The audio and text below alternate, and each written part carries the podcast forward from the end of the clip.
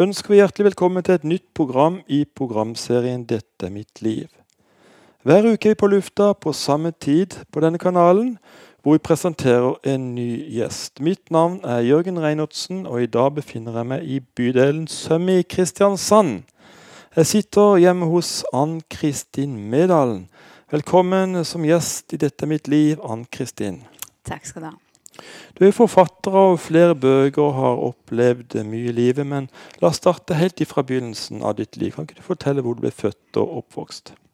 Jeg er fra Porsgrunn, så det er mitt uh, fødested og min fødeby. Og trives jo veldig godt der. Um, og så ble det sånn til at jeg uh, flytta bare til Skien og gifta meg der. Og um, var der i mange år. Inntil jeg har bodd nå i Kristiansand i syv års tid, da. Så, men mesteparten av mitt liv har vært i Grenland. Ja, du må ja. fortelle. Hvordan var barndommen din? Jo, um, jeg har nok alltid vært en sånn kreativ sjel. Så noen kunne vel kanskje si at, um, at det var mye uro rundt meg. Men, men, jeg tenker jo mer på at det var et barn som hadde mye kreativitet og mye som skulle ut. Samtidig som jeg hadde ja, kanskje mye ansvar som liten. Um, jeg, jeg, så kanskje mye av ting rundt meg som gjorde at um, jeg hadde lyst til å hjelpe mennesker, eller um, så mennesker som, som, trang noe ekstra, eller og, og, jeg hadde en sånn veldig sånn rar trang til å, å klare meg sjøl, da. Så min farmor hun sa alltid det. Nå er hun senil, men hun sa bestandig det at jo, Ann-Kristin karer seg sjøl. Så det var liksom alltid det jeg sa da. Eh, og det handla jo om det at fra jeg var tre år, så, så skulle jeg gå på butikken aleine. Og så var det ikke nok med bare at jeg skulle på butikken aleine, men jeg skulle alltid ha med tegninger som butikkdamene fikk, og hengte opp. ikke sant? Jeg gikk til tannlegen aleine, jeg var fem år. Jeg skulle liksom klare det meste aleine. Eh, og sånn har det vel egentlig Sånn har jeg vel på en måte egentlig vært hele livet. Og så er det mange grunner til at det har blitt sånn. Men, eh, men så, så, tenker jeg at det er, det er min styrke. Men så, som alle styrker, det som man har som styrke, kan jo også være en svakhet. da. Så det å lære seg å ta imot hjelp, det er ikke alltid like lett. Og, um, og det tenker jeg er noe av det som, um, som er viktig i Guds rike også at vi er alle en del på legeme. Så vi har alle våre styrker og svakheter. Så noe kan jeg, og noe kan andre. Og så tenker jeg at jeg, jeg har ønske om å kunne alt sjøl. Men jeg, av og til så prøver jeg også å si at um, det er faktisk andre som også kan noe også. Slippe til de, og, og jeg trenger jo også hjelp. Mm. Du eh, er jo en kreativ sjel. Nå vil du si at du oppdaga det i barndommen din? Du vet hva, Nå hadde jeg akkurat besøk av min pappa på lille julaften her, og han sa at det alltid var så mye rot rundt meg. Sånn at um, jeg var jo veldig lite, altså. Eh, ikke sant? Som treåring ikke sant? begynte å tegne tegninger for å levere. Eh, når jeg gikk på barneskolen, så begynte jeg å sy mine egne klær. Jeg um, jobba i gaver- og brukskunstbutikk, og der fikk jeg pappa til å skjære ut uh, figurer som jeg malte, og så fikk jeg solgt i den butikken. Og, og, så var det alt mulig, liksom, som, som jeg trivdes med. Altså. Så det, det, har vært liksom bestandig, da. Men, men, du kan si at fra, fra å like alt For at jeg elsker jo alt som var kreativt, og alt med farger og alt. Så, så, begynte jeg, da tok jeg et valg etter ni år den gangen. Da da var jeg bare ni år på grunnskolen. Så tok jeg et valg om å søke tegning for en farge vev. Så da på en måte tok jeg et valg ut fra alle de andre. For det var jo bare meg som søkte da. Mm. Og den gangen så var jo de i klassen de var jo over 40, som er kjempegammelt. Men det er jo ikke gammelt, selvfølgelig. men, men, den gangen så var det jo det. Så da valgte jeg meg bort fra den vanlige veien, og så tok jeg det. Eh, og fortsatte med tekstilforming og, eh, og aktivitørlinje, da. Eh, og så fikk man Yuga artium, så tok jeg jo da artiumsfaga på kveldene, sånn at jeg skulle få lov til å gå på lærerskolen. Så at jeg fikk liksom en sånn type ordentlig utdannelse ved siden av. da. Mm. Ja, du eh, var jo en aktiv sjel også. Ved siden av studiene så mm. arbeider du mye. Ja, nei, jeg gjorde det. Jeg tok jo Jeg hadde jobba i blomsterbutikker og gaver og brukskunst og hadde, var med i radioreklamer. Mm. um, og vaskejobber og, og sånt noe. Og så, um, Og så var jeg jo selvfølgelig også en, en, veldig aktiv jente med håndball og fotball og kor og speider og jenteforening. Og, så, um, så, nå som jeg sier til barna mine at ikke de må ha så mye på planen bestandig, men at de må også kunne trives i sitt eget selskap og ta det med ro og kjenne etter at man faktisk kan få lov å kjede seg, så, så tenker jeg at eh, hadde jeg muligheten til å kjede meg Det gikk nok ganske mye i ett som barn, da. Mm. Mm. Du um ble etter hvert ansatt på en kristen skole i Skien. Men mm. før den tid så har du vel antageligvis hatt en frelsesopplevelse? regner jeg med. Ja, altså det er egentlig sånn med meg at jeg har jo hele livet trodd på Jesus. Um, og så har jeg tenkt egentlig på det som, som alle egentlig har en sånn typisk frelseshistorie. Eh, for meg så har det nok ikke vært sånn, sånn veldig sånn at poff, der kom det. Men, men, det har vært mer sånn at eh, når jeg var 15 år og skulle stå til konfirmasjon, så var det et veldig seriøst valg for meg. Eh, fordi jeg var barnedøpt, så, så blei på en måte konfirmasjonen en sånn eh, En bekreftelse på det, da. Og det tok jeg veldig alvorlig. Og jeg kjente at um, jeg ville følge Jesus, og, og følte den tryggheten som var å gå med Jesus. Eh, og etter konfirmasjonsalder så, så kom jeg også, valgte jeg meg ut fra Frikirken i Porsgrunn til Ebenezer, som også er i Porsgrunn. da. Hva er det? Ebenezer er misjonskirke. Okay. Så da valgte jeg det fordi at der var det stort ungdomsmiljø. Og vi hadde det veldig gøy. Og vi var på gateevangelisering. Vi sang mye sammen og hadde, var veldig mye sammen. Og det var en veldig god tid der, um, der Jesus sto i sentrum, da. Um, og så kjente jeg jo det at um, så ble jeg gift ikke sant, som 22-åring og ble med i Betel Hjelpen i Skien. Men så, uh, hva skal jeg si, hele det livet der, ikke sant, så kom barn og alt mulig sånn. Men så har jeg nok hele livet altså søkt etter mer av Gud, da. Um, og alltid vist at det har vært noe mer. Uh, og det har jeg nå Hvis vi hopper veldig langt, da. Mm. ikke sant? Nå er min største han er, blir 17 år. Um, så etter uh, ganske mange år i ekteskapet så, så, så kjente jeg at um, Og etter å ha, blitt skilt og vi kom ned til Kristiansand, ikke sant, og sånn, så, så, kjente jeg at nå uh, Jeg vil ha noe mer. Uh, jeg vil ikke bare leve et sånt jeg tror at man kan komme til Jesus på mange måter. Altså Man kan, man kan bekjenne, og, og, og, man tror på Jesus. Jeg tror at man, man kommer til himmelen da. Men, men, jeg kjenner det må være noe mer. Jeg må leve tettere inn på Jesus. altså. Det, han må få lov til å virke i min hverdag. Og det er vel det som, som har fått um, stor betydning i mitt liv, da. Velkommen tilbake til programmet 'Dette er mitt liv'. Du lytter nettopp til Arvid Pettersen som sang 'Du må ikke' gi opp. Sitter her med Ann Kristin Medalen på Søm i Kristiansand. Et nydelig boligområde, en nydelig bolig. Veldig fint dere har fått det her, Ann Kristin. Veldig fint å være her. Um, jeg må bare spørre deg, Ann Kristin. Du nevnte før denne musikalske pausen om at uh, du var blitt skilt. Mm. Uh, og det er jo aldri enkelt. Nei. Du, um, dere jobba jo for dette. Dere var bl.a. På, på noen kurs og noe på Modum Bad. Kan du fortelle litt om det opplegget? Mm. Ja, det var nok sånn at det var aldri et helt enkelt ekteskap. Men for meg så var ikke skilsmisse Det var ikke et ord i mitt vokabular, egentlig. Så um, jeg hadde en nydelig lege i Skien som uh, fikk oss inn på Modum.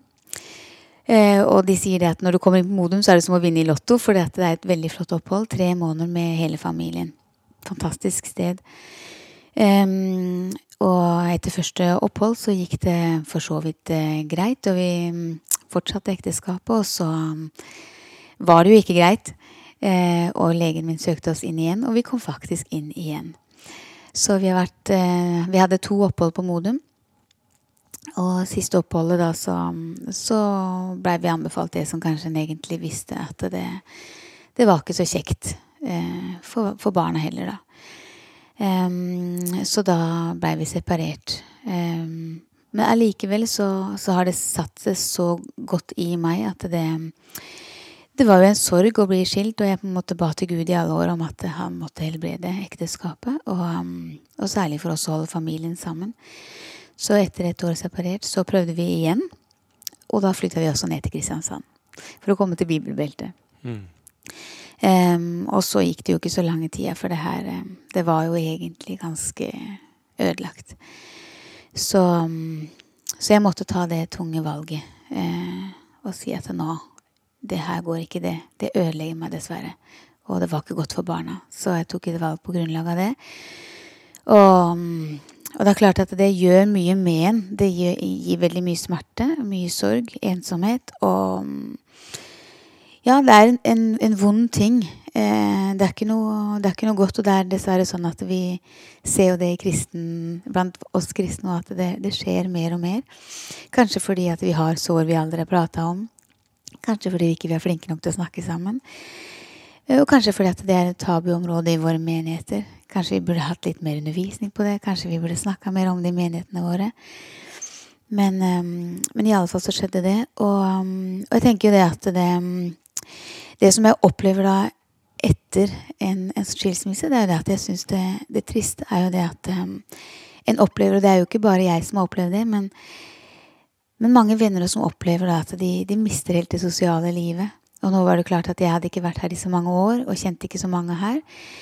Men likevel, selv om vi da hadde kommet inn i eh, en menighet her, så opplever jeg da at eh, ingen ringer, ingen spør hvordan det går. Eh, nyttårsaften så uteblir en fra invitasjoner. Og jeg tenker at for, for min del, altså min personlige, så, så, kan jo jeg heve meg over det. Men det er trist for barn som har fått venner, ikke sant, og, og har vært inne i et sosialt nettverk. Um, så jeg liksom tenker, tenker at vi, vi, vi, må oppføre oss sånn som Jesus gjorde. Altså. Så jeg skjønner ikke hvorfor det er sånn. Eh, hva vi er redde for, eller hva som skjer med oss eh, i sånne situasjoner. Og, og menighetene våre, vi må, vi må, tenke mer over at det, det er mer skilsmisser. For verden, det er et ikke godt sted å være. Og, og, og det står jo også at vi er ikke vi er i verden, men vi er ikke av verden. Og det betyr jo det at vi er ikke perfekte, noen av oss. Noen av oss eh, blir skilt. Andre lever i ekteskap som ikke er gode. Og andre opplever andre vonde ting. Og så har vi alle synd i våre liv, og ingen er perfekte. Så jeg tenker at vi må være veldig vare i vår omgang uh, med andre mennesker, og hvordan vi ser på andre mennesker, og hvordan vi snakker om andre mennesker. Og at vi vil hverandre godt. Og at vi tar mennesker inn i vår nærhet. da og at vi bryr oss om hverandre. Sånn at mennesker kjenner at um, vi er i en menighet, og der elsker de står og ser hvor de elsker hverandre. Men gjør vi virkelig det i våre menigheter? Mm.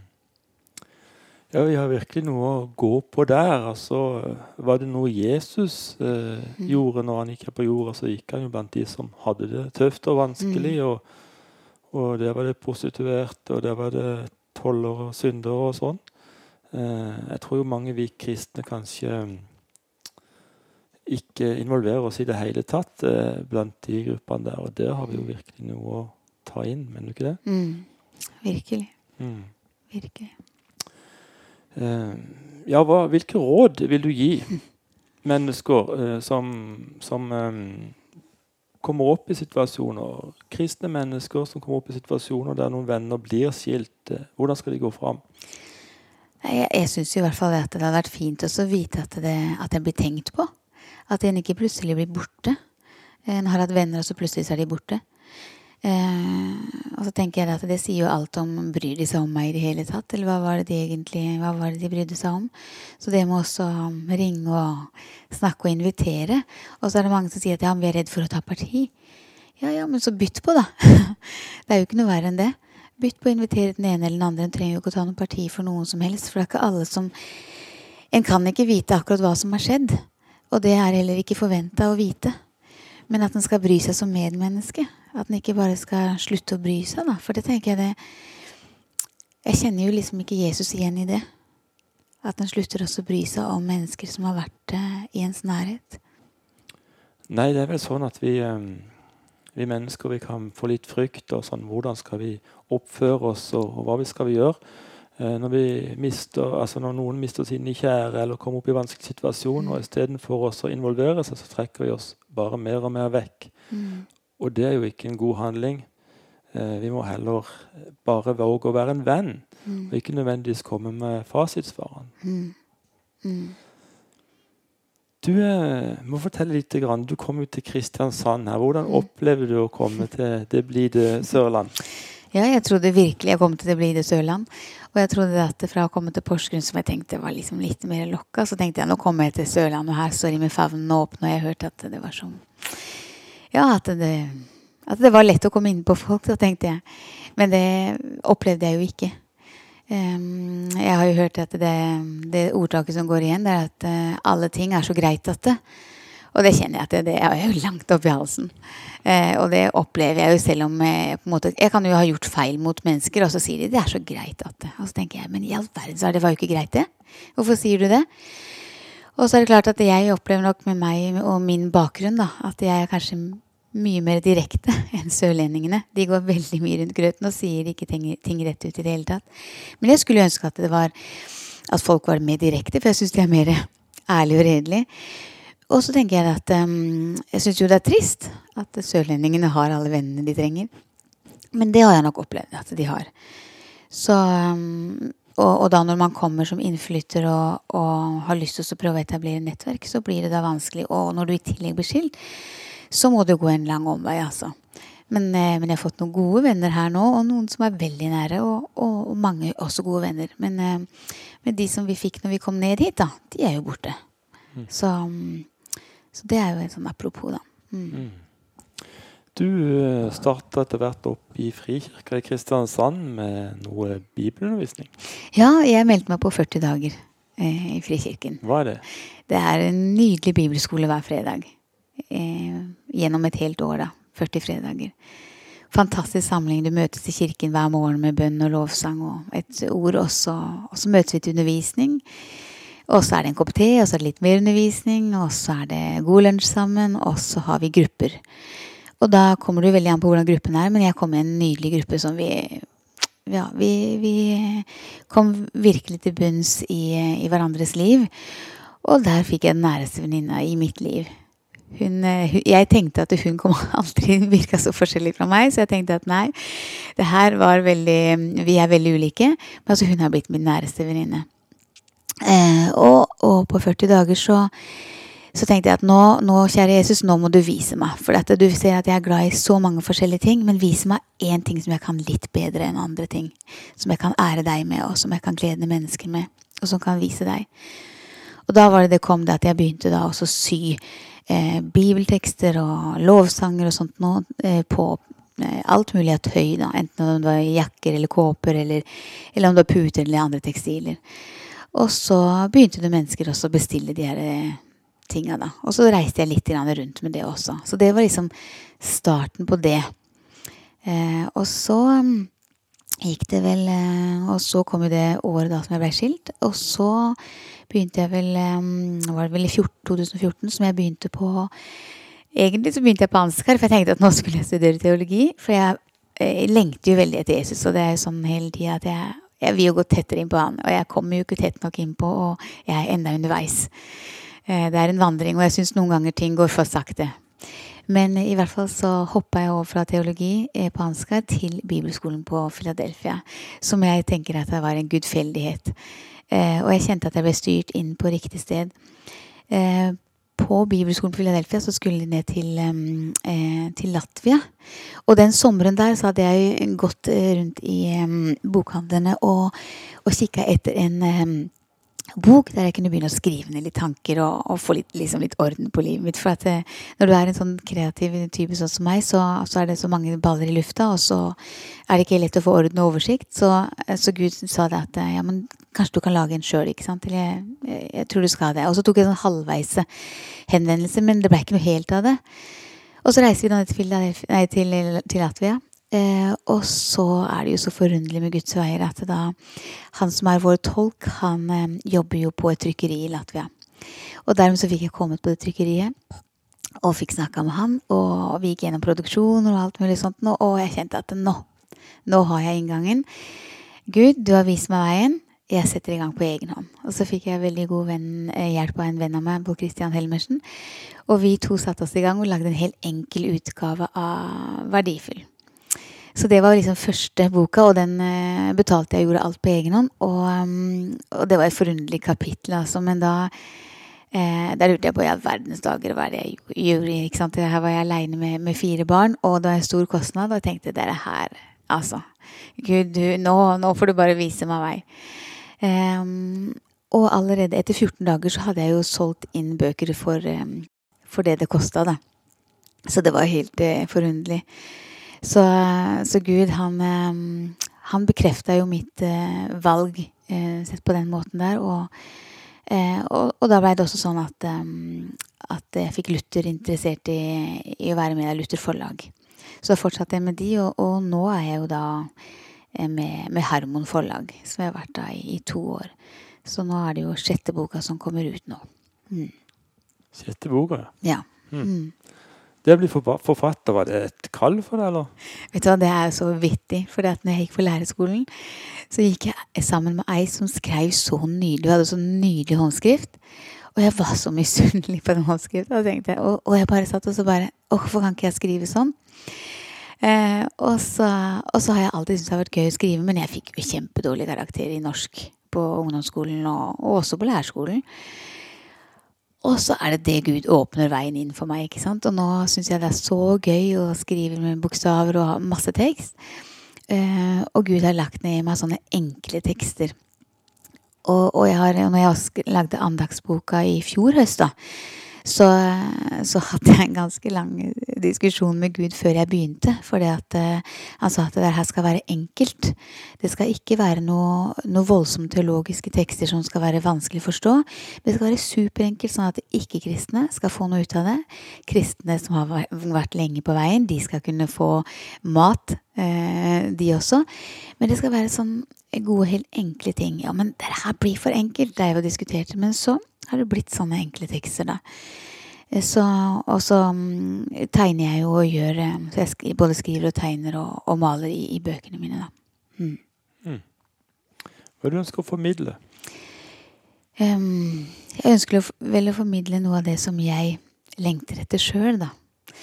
Jeg ønsker å verdifulle at vi Eller at vi er verdifulle i Guds bilde. Eh, og det har vært en streben i mitt liv, fordi at um, som allerede, som jeg fortalte som allerede som liten jente, så, så lå det nok i meg det her med Jeg skulle alltid lage ting. Jeg blei jo sett og, og, og heia eh, på fordi det jeg lagde. Jeg lagde alt mulig, og jeg kunne nok blitt en jente som var liksom høy på pæra, da. Så blei jeg ikke det. Men, men, eh, men, det var nok ofte den bekreftelsen, da, som jeg higa etter. Jeg fikk nok ikke den eh, bekreftelsen på kjærlighet som, jeg, som hjertet mitt trengte. Eh, og den bekreftelsen jobber jeg med å ta imot fra Gud i dag. Da. Og jeg vil så gjerne at sånn som barna mine som vokser opp eh, med meg, da, at de allerede, ikke sant, når de er små, skal kjenne bekreftelsen. Og den pappa Gud sin eh, kjærlighet, da.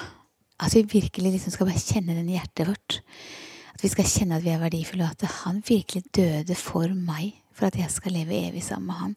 At vi virkelig skal tro på det. Og jeg tror at eh, hvis vi har vår identitet i Jesus, hvis vi virkelig tror at Jesus døde for meg, da ser menighetene våre annerledes ut. Så jeg tror at vi, det er mitt største ønske, da, at de som lytter på, de som er her nå sammen med oss, at de skal bare kjenne at eh, Vet du hva, Jesus kom til jorda for akkurat deg. Fordi at han ønska å gi deg evig liv. Hvis du kan ta imot det, den lidelsen han gjorde Han sa han bestemte akkurat deg. Han kunne valgt så mange andre, og så valgte han akkurat deg for å komme. Og at det skal bli en sannhet i våre liv. Og den sannheten kjemper jeg med sjøl, og jeg tror det er en kamp for oss kristne. Men den dagen det går virkelig opp i hjertene våre, da tror jeg at vi får en vekkelse i menighetene våre. Mm. Anne Kristin, du har valgt en sang som heter 'Verdifull'. Den passer vel å ta nå, mm. med Solveig Leivtug Hva, hva, hva, gir den sangen deg? Vet du hva, den, den, eh, har jo alltid fulgt meg. Alltid. Solveig Leirtug har jeg hørt masse på som eh, barn og ungdom. Og så er det klart at eh, det var ikke ut fra den sangen der jeg valgte 'Verdifull'. For at bøkene mine heter jo 'Du er verdifull' andagsboka, og, og de andre bøkene heter jo 'Verdifull' med årstall på. Men, men, det handler jo om at vi skal være verdifulle, at vi skal kjenne at vi er verdifulle. For i den verden i dag som vi på en måte strever med at vi skal nå opp, vi skal være alt. Vi skal klare alle mulige ting. Og i tillegg skal vi se vellykka ut, vi skal være vellykka, vi skal tjene greit, vi skal Ja, og vi skal jo ikke skille oss. vi, skal ikke, vi skal ikke ha den synden i vårt liv. Men vet du, på tross av det, så er vi verdifulle. Vi er verdifulle for Gud, og vi er verdifulle for mennesker rundt oss. Så jeg vil gjerne at vi skal kjenne på at vi, vi er verdifulle, og du er verdifull. Velkommen tilbake til programmet 'Dette er mitt liv'. Du fikk nettopp høre på sangen 'Verdifull' ved Solveig Leithaug. Og eh, vi har eh, Ann Kristin Medalen som gjest i 'Dette er mitt liv' i dag. Ann Kristin, du har også skrevet bøker som heter 'Verdifull'. Har ikke du lyst til å lese litt fra bøkene dine? Mm, det kan jeg gjøre. Da leser jeg fra andagsboka, og den heter 'Du er verdifull'. Har du av og til hørt dette i ditt indre? Jeg ser, barnet mitt, at du er lei deg fordi du ikke klarer å lytte, være stille for meg og sammen med meg. Jeg får også vondt når du har det vondt. Du er et menneske med alt det innebærer. Det er ikke lett å finne roen i en bråkete og stressende verden. Du kan be meg hjelpe deg med å øve deg i å finne roen og stillheten som gjør at vi lettere kan prate sammen. Jeg kjenner deg og vet om dine behov og ønsker. Jeg elsker når du ber meg om hjelp, for jeg kjente på deres behov da jeg var iblant dere. Når det ble for mye for meg, måtte også jeg gå avsides for å prate med min far.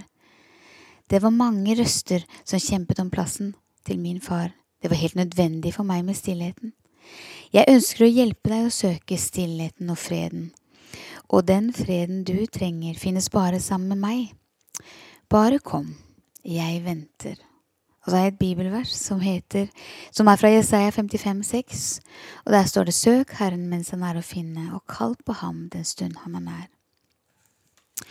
Så nydelig. Ta en til, du. Da leser jeg også um, I den boka her så var det sånn at Gud talte til meg. Jeg kjente at i hvert fall han sa at det skal være veldig enkle, enkle ord. ikke sant? Sånn at her er det enkle ting som kommer, da. Uh, og det handler litt om det som faktisk Philadelphia også når jeg på møte i dag, det med å begynne å gå. Fordi jeg tror vi er ofte redde for oss å begynne å gå på den veien som Gud vil vi skal gå. Og, og, at vi tror at vi skal sitte og vente helt til vi får helt klart alt vi skal gjøre. Men jeg tror det er viktig at vi, vi bare begynner, da. Så her kommer det igjen. Mulig du kan kjenne deg igjen i Pippi Langstrømpes utsagn. Det har jeg aldri prøvd for, så det klarer jeg helt sikkert. Hele livet mitt har jeg levd slik. Jeg elsker utfordringer. Av og til er oppgavene nesten for store, men på et eller annet vis så lander jeg på beina. Det finnes utfordringer i mitt liv som kan bli vel store fordi jeg blir overmodig. Da hender det jeg står skrekkslagen midt i et virvar av følelser av frykt og funderer på hvordan jeg kom hit. Gud er god og redder meg gang på gang. Men midt i virværet kan redselen for hva jeg har stelt i stand, hugge tak, og angsten og fortvilelsen over dårlige valg innta hele meg. Nå er det jo også slik at den som intet våger, intet vinner. En trenger jo likevel ikke bestandig våge like mye, så jeg håper jeg lærer med alderen. Er du av dem som ønsker å tørre, men ikke får det til, så spør noen om de vil være med deg inn i ditt vågestykke. Mestringsfølelse er en god ting, Snakk med Gud i forkant før du rusher inn i noe nytt. Jeg har hatt en tendens til å løpe foran Gud. Ikke desto mindre er han tålmodig og holder seg tett inntil meg.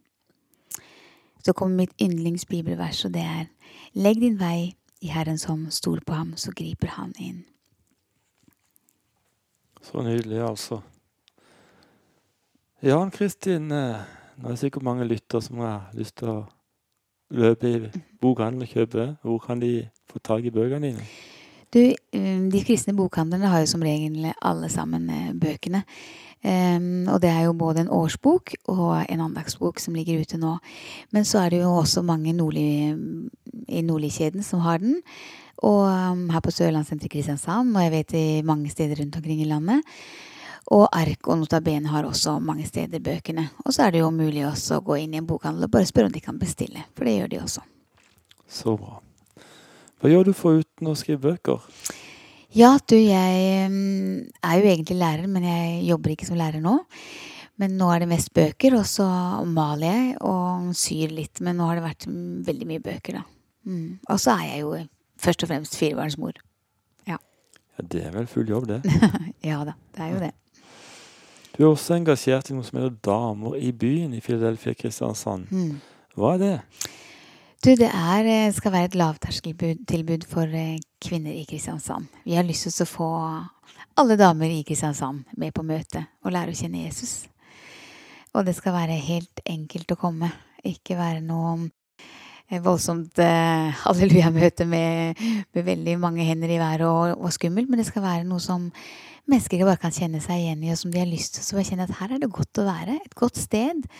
Og vi koser oss sammen. Uh, kanskje får de en kopp kaffe når de kommer, blir ønska velkommen. Og først og fremst så skal de bli sett. Og ut fra de storsamlingene som vi har ca. hver tre uke, så er det bibel, bibeltimer eller gruppesamlinger, da. Som eh, alle kan få lov til å være med i. Eh, de som, eh, så jeg er leder for én bibelgruppe selv, da. Og så har vi mange av de her bibelgruppene. Mm. Det er jo et fantastisk arbeid. Samler dere mange folk? Ja, det er veldig forskjellig, men noen ganger så kan vi være 600 damer i, wow. i Q42. Så det er veldig flott, altså. Nydelig også å være med på. Mm. Mm. Du er, Hva gjør det på de bibelgruppene? Nysgjerrig her. Nei, du, det er jo å snakke om Jesus og snakke om livet. Um, og, um, og, og, lære Bibelen å kjenne, lære Jesus å kjenne. Uh, mange har kanskje ikke De vet kanskje nesten ikke hvordan de skal be. Uh, og også lære oss å føre en naturlig samtale med Jesus, da, tenker jeg. Eh, for mange kanskje har en tanke om at før de blir kristne, i hvert fall og idet de akkurat har tatt imot Jesus, hvordan skal vi be? Hvordan kan jeg be? Og at de ser for seg at det er vanskelig. Men Jesus ønsker jo at vi skal snakke med han som vi snakker til en kjærlig pappa. Så mm, det gjelder først og fremst det å lære finne, at vi lærer uh, hverandre å kjenne og lærer å kjenne Bibelen. ikke sant? Hvor ting står, hvor vi kan finne trøst, hvor vi ser gleden, og hvor vi ser hvordan, uh, hvordan Jesus kom til jord, ikke sant? og hvilken mening det er med det, og, og hvordan han har skapt oss, da. Og hvor, hva som ligger bak det. At uh, faktisk så er det um, Han har unnfanga oss fra helt fra begynnelsen av. Vi har vært planlagt hele i, i all tid, da. Så det, så det, gjelder jo det at de skal få, få et fundament å stå på. Mm. Du eh, har jo delt veldig mye i dette programmet her, også nære ting med at du ble skilt og sånn. og mm. eh, jeg lurer på, Har du lyst til å komme med en hilsen til de som kanskje akkurat har opplevd en skilsmisse? Mm. Ja, jeg, tenker at det, det er um, det er jo ikke noe en ønsker. Og, um, og, ofte fører det med seg veldig mye sorg. Og det kan være mye svik, og det kan være mye vondt, og en kan føle mye ensomhet. Og så tenker jeg at det, er, det viktigste er å gå til Jesus um, og la han få lov til å være din trøster. Fordi at uh, Jesus han vil være din ektefelle, og han vil være den som står deg nær. Og det er lov å komme til Jesus med med glede, men det er også lov å komme med sorg og fortvilelse og rop. Og bare rop til Jesus når du er fortvila. Og så tenker jeg også at du skal ikke være redd for oss å bare huke tak i, i mennesker rundt deg. For det, som jeg sa her tidligere, det, det er kanskje mange som eh, ikke, som, som, tar avstand fra deg, men, men, det kan jo hende at de gjør det fordi de er redd for hvordan de skal møte deg.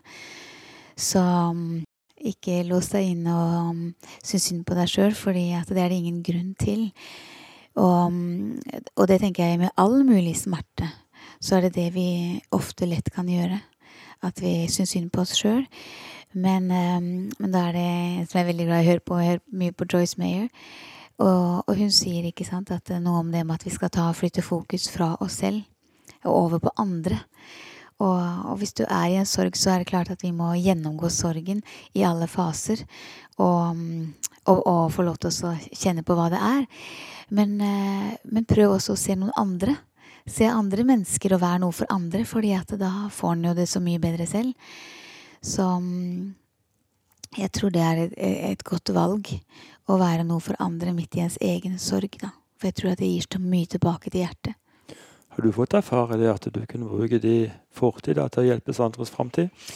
Ja, altså det, det syns jeg er uh, veldig rart mange ganger hvordan, hvordan Jesus midt i mitt svakeste øyeblikk, og når jeg har det vondest, at jeg da kan få lov til å være til hjelp for andre. Eh, og jeg tenker at eh, jeg syns det er like forunderlig hver eneste gang at jeg føler at jeg ligger omtrent med nesa i grusen, og så, og så møter jeg på mennesker, og så åpner bare Gud en, eh, et hjerte og gjør at jeg kan få, få vise Jesus der og da, om, om, enten det er til ei som jeg møtte på et offentlig toalett som var en narkoman, ikke sant, eller om jeg kan bare plutselig møte noen på butikken, eller eller om det er noen andre som jeg kan plutselig bare begynne å eh, snakke med ellers, så, så, så har det vært så utrolig eh, Ja, det er så utrolig stort for meg. Da, at, og det er bare det at det, det viser jo virkelig at det, jeg ingenting er i meg sjøl. Så det kommer ikke an på meg. Det er bare Gud. Og at Gud kan bruke meg. Og det viser jo bare hans storhet, da. At det er han som virker i mitt liv og jeg kan ingenting gjøre til eller fra. Så alt det jeg gjør, gjør ingen forskjell for Gud. For han elsker meg uansett hva jeg gjør. Mm. Mm. Jeg bare lurer på, rett og slett, Kan du tenke deg å be en bønn for, for lytterne nå? Mm. Kjære Jesus, jeg takker deg for hver og en som lytter nå, Jesus. Jeg takker deg for de som sliter med, med vonde sår på innsida, og som kjenner at ikke de blir at ikke de blir hørt og sett av andre. Jeg ber deg, Jesus, om at du skal gå inn i den relasjonen og være en pappa. Jeg vet at i denne stund så skal de få lov til å kjenne ditt nærvær. Fordi du elsker de overalt, Jesus. Fordi du døde nettopp for at de skulle få lov å komme til deg og leve evig sammen med deg i himmelen, Jesus. Og så ber jeg om at du skal rense ut alt som ikke skal være der, Jesus. Og du har tilgitt Jesus. Når de rekker ut din, deres hånd til deg, Jesus, så er du der med en gang. Jeg ber at eh, de som hører på nå, hvis ikke de har tatt imot deg, Jesus, så holder de med å si at eh, Jesus, jeg vil tilhøre deg. Her har du hjertet mitt og hele meg. Og når de er bekjent det, så er de ditt barn. Og du har omsorg for dem, for du har omsorg for dine. Så takker jeg deg for at du vil være nær til dem. Så ber jeg om at mennesker rundt dem også vil se dem og ta vare på dem. og, og be dem inn i, ditt, i din menighet og fellesskap, Jesus. Og jeg ber også om at du må gi styrke og kraft til mennesker som har det vondt. Jesus. He, hel de, Jesus. Kom med din helbredelse. La de kjenne på at du er legenes lege. Og så er du den beste vennen, Jesus. La de kjenne på at det er lov og få lov å bare snakke med deg som de snakker til en venn, Jesus. Takk for at du er nær oss, og takk for at du alltid er nær i alle stunder. Om det er i det mørkeste mørket, eller om det er i gleden, Jesus, så er vi aldri aleine. Selv om vi bare ser et par fotspor og tror at det er våre, så er det da du bar oss, Jesus. Så takk for det. Amen. Amen, amen. Har du en liten uh, hilsen fra boka di? Ja, det kan jeg jo finne. Skal vi se. Mm. Ja, det var jo egentlig akkurat det. At nå kom jeg, slo jeg opp på eh, noe som egentlig mm, Noen ganger så tenker jeg at det ikke alltid ting er tilfeldig. Mange ganger så tenker jeg at ting er gudfeldig. Og noen ganger så tror jeg at vi stoler på, for mye på våre egne følelser. Og at når jeg føler det kjipt, så, så, tror jeg det at det er noe i veien med meg. Eller jeg tror at noen ting er galt. Men så må vi bare prøve å sette følelsene til side. Og her er det en andakt om det. Om du er som meg, stoler du av og til litt for mye på dine egne følelser. Og i samfunnet i dag er det jo ofte slik at det oppfordres til å gjøre det en føler for. Det er det som er godt for deg, og gagner deg. Alt er lov og riktig om det føler seg godt. Vi er på vei til å bli et egoistisk folk som tenker mer på oss selv enn på vår neste, men følelsene våre skaper til tider problemer fordi de kan løpe av sted med oss selv, selv om fornuften prøver å gripe inn. Og gjennom Guds ord, der normen er litt annerledes enn i samfunnet vårt, så lærer vi at følelsene på mange måter kan lure oss. Derfor, det hjertet ikke helt føler og hodet ikke helt forstår, må ordet få virke i oss, altså Bibelen og Guds ord. Vi trenger å lese Guds ord når følelsene drar i vei med oss. For om vi blir engstelige og ikke føler nok, er det ordet som kan fortelle oss sannheten. Sannheten er at Guds ord tar bolig i deg, og at vi hver dag, uavhengig av følelser, må velge Han, og ikke stole på de menneskelige følelsene som er så variable. Tro er full tillit til det en håper på, overbevisning om det en ikke ser. Hebreerne 11.1. Nydelig. Han Kristin, du har også valgt en eh, sang til som vi skal avslutte dette programmet. Kan du fortelle litt om den? Ja, det er en sang av Colin Ray. Um, og det eh, det handler om at vi ikke alltid får det vi vil ha, men vi får det vi trenger. Og mange ganger så har jeg spurt Gud om det, men kjære Gud, du vet, jeg, du vet hva jeg ønsker meg. Og så får jeg ikke alltid det jeg ønsker. Og det kan være forferdelig sårt og trist og leit der og da. Og mange sår og mye smerte har man fått av det. Og så tenker man at, det, at Gud ikke har oversikt, men det har han. Han gir meg alltid det jeg trenger. Mm.